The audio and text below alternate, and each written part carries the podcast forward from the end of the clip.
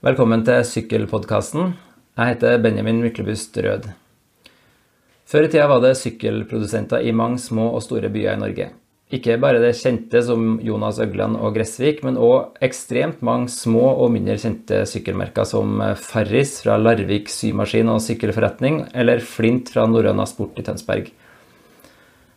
Nå til dags blir ikke syklene produsert i Norge, men noen merker sånn som DBS og Diamant har bestått som sykler produsert i Taiwan eller andre plasser. Men det fins ett unntak, nemlig merket Speed fra Skien sykkelfabrikk, der det fortsatt, eller rettere sagt igjen, lages sykler i Norge. Og med meg i dag har jeg Alexander Farstad, som står bak Skien sykkelfabrikk. Hei, Alexander. Hei, Benjamin. God dag, god dag. Det er jo sikkert en del som ikke har hørt om Speed og Skien sykkelfabrikk, verken liksom det originale merket eller det dere har starta nå. Så der tenkte jeg vi kunne gå litt mer inn på, selvfølgelig. Men, men først litt om, om, deg og hva er det dere driver på med i Skien? Vi jobber med å bygge eh, vekstbedrifter, oppstartsselskaper, som utnytter teknologi og programvare til å definere, kall det, fremtidens virksomheter, for å si det sånn. Det er min, kall det, dayjob.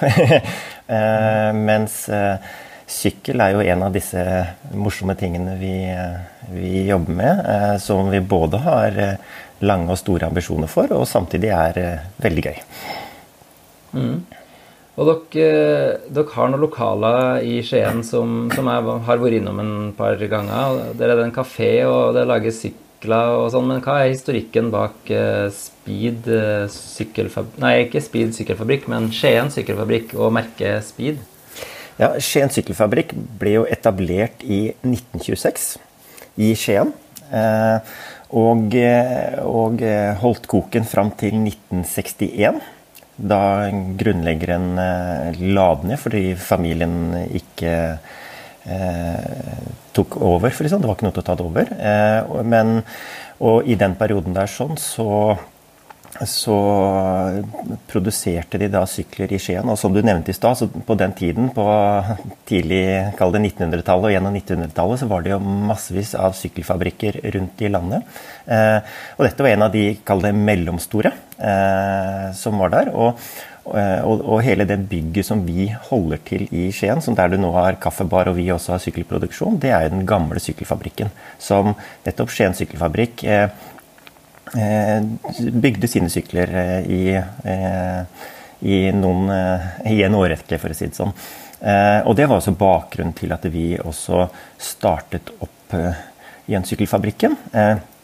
Vi, vi alltid kjente at det har vært sykkelproduksjon i dette bygget. Men vi hadde ikke tenkt så mye på det, for vi, vi drev i andre virksomheter der. I hovedsak programvareselskaper samt Snowball, som er et produktdesign- og utviklingsselskap. Og, og, det var en, en romjulen i det, 2016 så, så, kom vår onkel forbi. Han hadde fått tak i et gammelt speedmerke. Og dette gamle speedmerket, hvis du har sett merkevaren til Speed, så er den egentlig veldig kul. Og vi som en, har litt sans for design, vi, vi sa at dette må vi gjøre noe med. Vi er i vi er i den gamle sykkelfabrikken. Eh, og det var min bror og jeg, vi kikket på hverandre og sa at eh, du vet hva vi skal gjøre nå? sa jeg til Bård. Ja, sa han. Eh, og da trengte vi ikke å si noe mer. og 2. januar, så var det vel, eller første dag etter nyttår i 2017, så startet vi selskapet. og så tok vi kontakt med familien og spurte hei, hva tenker dere hvis vi starter opp en sykkelfabrikk? og hva med rettighetene til merkevaren? og følge opp den historien og ta vare på hva det var. For det, vi jobber mye med å bygge merkevarer. Og noe av det viktigste bak å bygge en merkevare Ja, det skal gjerne se bra ut i forhold til design, men historien og verdigrunnlaget som ligger bak det. Så eh, vi tok kontakt med familien, eh, og de var kjempepositive. Eh, de ga oss go til å gjøre dette her. og det var viktig for oss. Vi ville aldri gjort det uten deres backing. Og, og, vi begynte også å gjøre en del research på gamle Erlandsson, da, som var eh, grunnleggeren. Og, og kom fram til hans verdier bak de å bygge syklene. Og det var basert på tre ting. Det skulle være høy kvalitet. Eh, du skulle se bra ut. Eh, og du skulle ha godt tråkk, som man sa den gangen. Dvs. Si at du skulle være lettsykla gode. Og disse verdiene, de, sammen med merkevaren og sammen med historien som er rundt der, det var dette, dette digget vi, rett og slett, for helt ærlig. Eh, så da satt vi, eh, satt vi team på det fra Snowball, som er vårt produktdesignselskap. Og basert på disse grunnverdiene. Og vi fikk tak i også en gammel sykkel fra rundt 1930 eh, som vi også fikk tak i. Og sa vet du, hva Og spørsmålet vi stilte Hvis Erlandsson hadde vært her i dag, hva slags sykkel hadde han bygget? Det var vårt spørsmål. Ikke hva hadde vi syntes vært kult å lage nå, men hva hadde Erlandsson gjort det, basert på disse grunnverdiene. Så basert på den gamle sykkelen så tok vi utgangspunkt i rammegeometrien, men vi sa at eh, vi ønsker en sykkel med moderne kvaliteter, altså med letthet og komponenter osv. Den, skal den skal se bra ut, den skal ha høy kvalitet, og den skal ha godt tråkk. Den skal være lettsykla. Eh, men du sier det har skjedd mye på teknologien siden 1931, som den sykkelen her var fra, til 2017, eh, for å si det sånn. Og, eh, og da startet reisen. og det endte jo opp med det som var Speed One, som ble lansert da ti måneder senere. Da lanserte vi første, første sykkelen Speed One. Og den hadde jo en rammegeometri som er veldig annerledes enn den sykler du har i dag. Den har bl.a. en mye slakere rammegeometri, geometri, eh, som er veldig lik rammegeometrien som den fra 1931-sykkelen, men med lettvekst aluminiumsrammer eh, eh, og lettvekstkomponenter hele veien, så den er jo uendelig mye lettere enn den gamle stålsykkelen, for den var tung. Eh, eh, og og, og, eh, for å være helt ærlig, vi syns sykkelen blei veldig lekker. Du har vel sett den selv også? Jeg vet ikke, Hva syns du, Benjamin? Jeg syns den ser uh, veldig stilig ut. Ja. Det, er jo, det er derfor jeg har invitert deg. Uh, du sa at teknologien har gått mye lenger, men samtidig er det jo en, det en sykkel som er veldig enkel, men med veldig fokus på detaljer. Og, og det var litt av filosofien vår. altså Vi ville ha en sykkel som skulle ha en følelse av at den var klassisk og, og, og tidløs. Dette er en sykkel som ikke er eh, dette er ikke en 2017-modell eller 1957-modell. Eh, det er ikke det det går på. Dette er en sykkel som skal være like aktuell i 2057, for å si det sånn. Det skal ha det beste av, av komponenter, uten at den ønsker å være at det, det siste er plastkomponenter eller det siste er karbonfiber. Vi ville ha den i metall og lær. Eh, det var egentlig kjernen av dette. Og gummi. Så sykkelen har null plastikk. Det var en ting vi var opptatt av. Vi skulle ha null plastikk. Eh, mm. Og hvis du ser på, og vi, vi reiste rundt på sykkelmesser rundt omkring i Europa. Både for å finne nisje underleverandører, eh, pluss å se på hva lagde andre eh, aktører ute i Europa av sykler. Og det vi fant ut, jo mer vi gjorde research dette, jo mer var hele den Det lages masse kule sykler. Men som du sier, det meste, til og med sånn som kall det Bianchi, altså masseproduseres i Taiwan på, på fabrikker. Den der gamle håndverket, den der følelsen den er, den er, borte. Og så har man kanskje vi kalte det 90 eh, kult, eller 90 gjennomført. Det vil si at det, de gjør dette, og plutselig så er det en eller annen økonom med tall i et regneverk som putter på en billig komponent istedenfor å gå 100% Og vi sa at vi skulle ha null kompromiss. Vi skal bygge den sykkelen som er 100% gjennomført. Vi skulle ha null plastikk. Og, og, slik startet det. skal vi basere på det gamle designet, og skal vi bruke kall det metall og lær og gummi.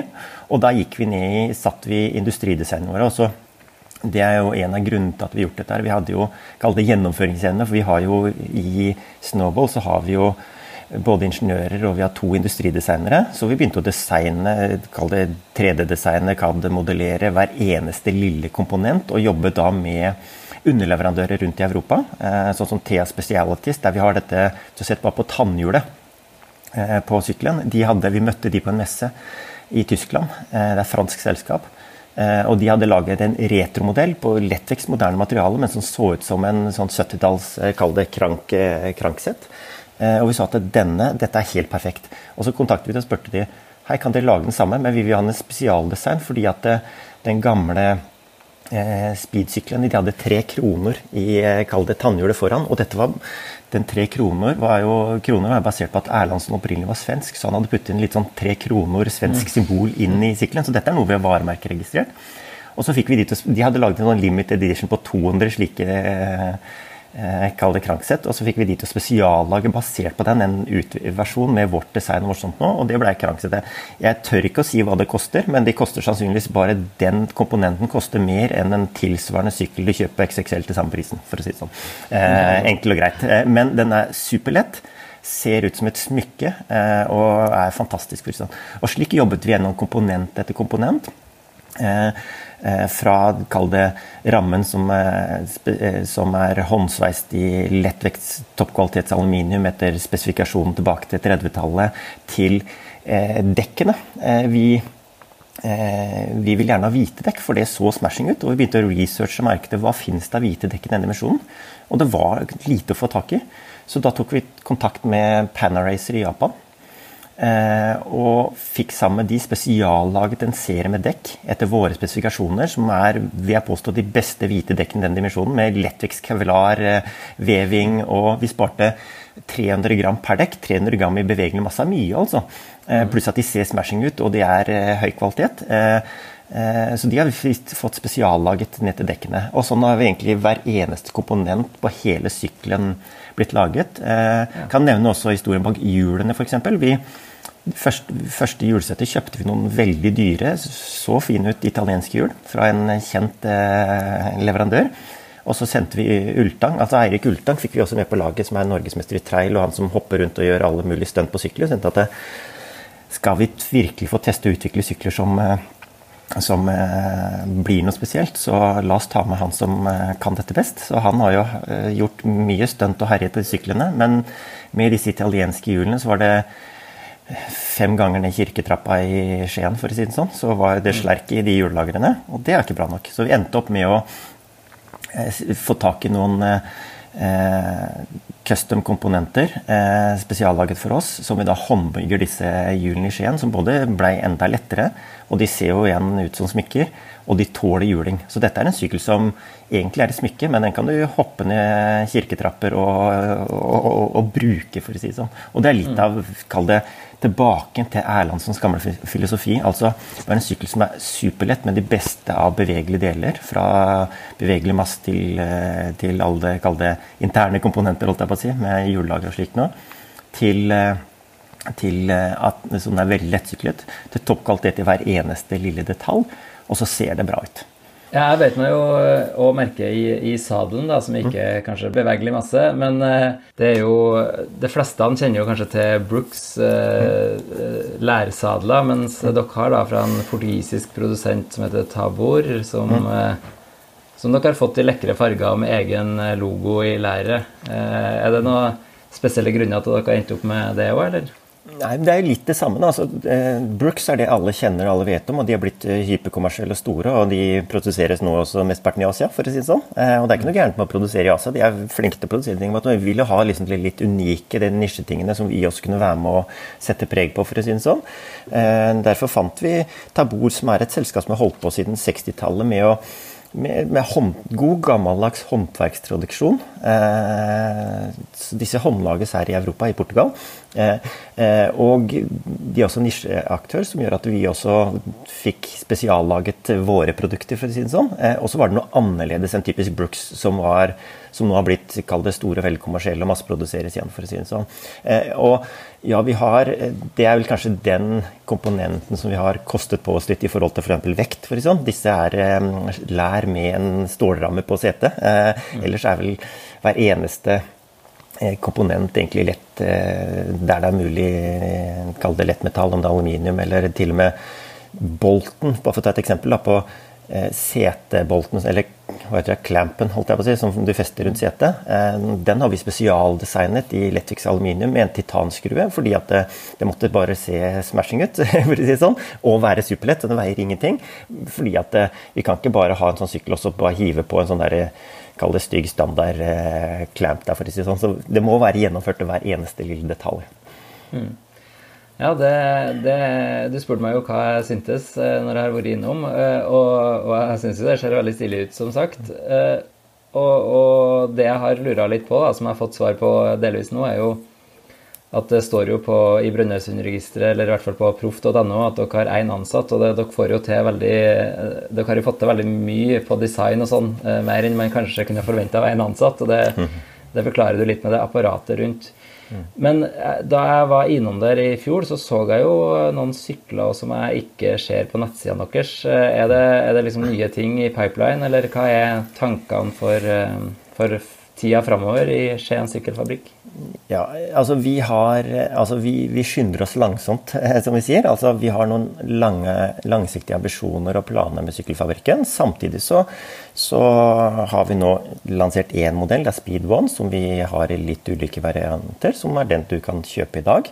Eh, vi har designet en, egentlig en kolleksjon av flere sykler eh, som, eh, som, vi kommer til å ta til markedet litt sånn gradvis gjennom de neste årene.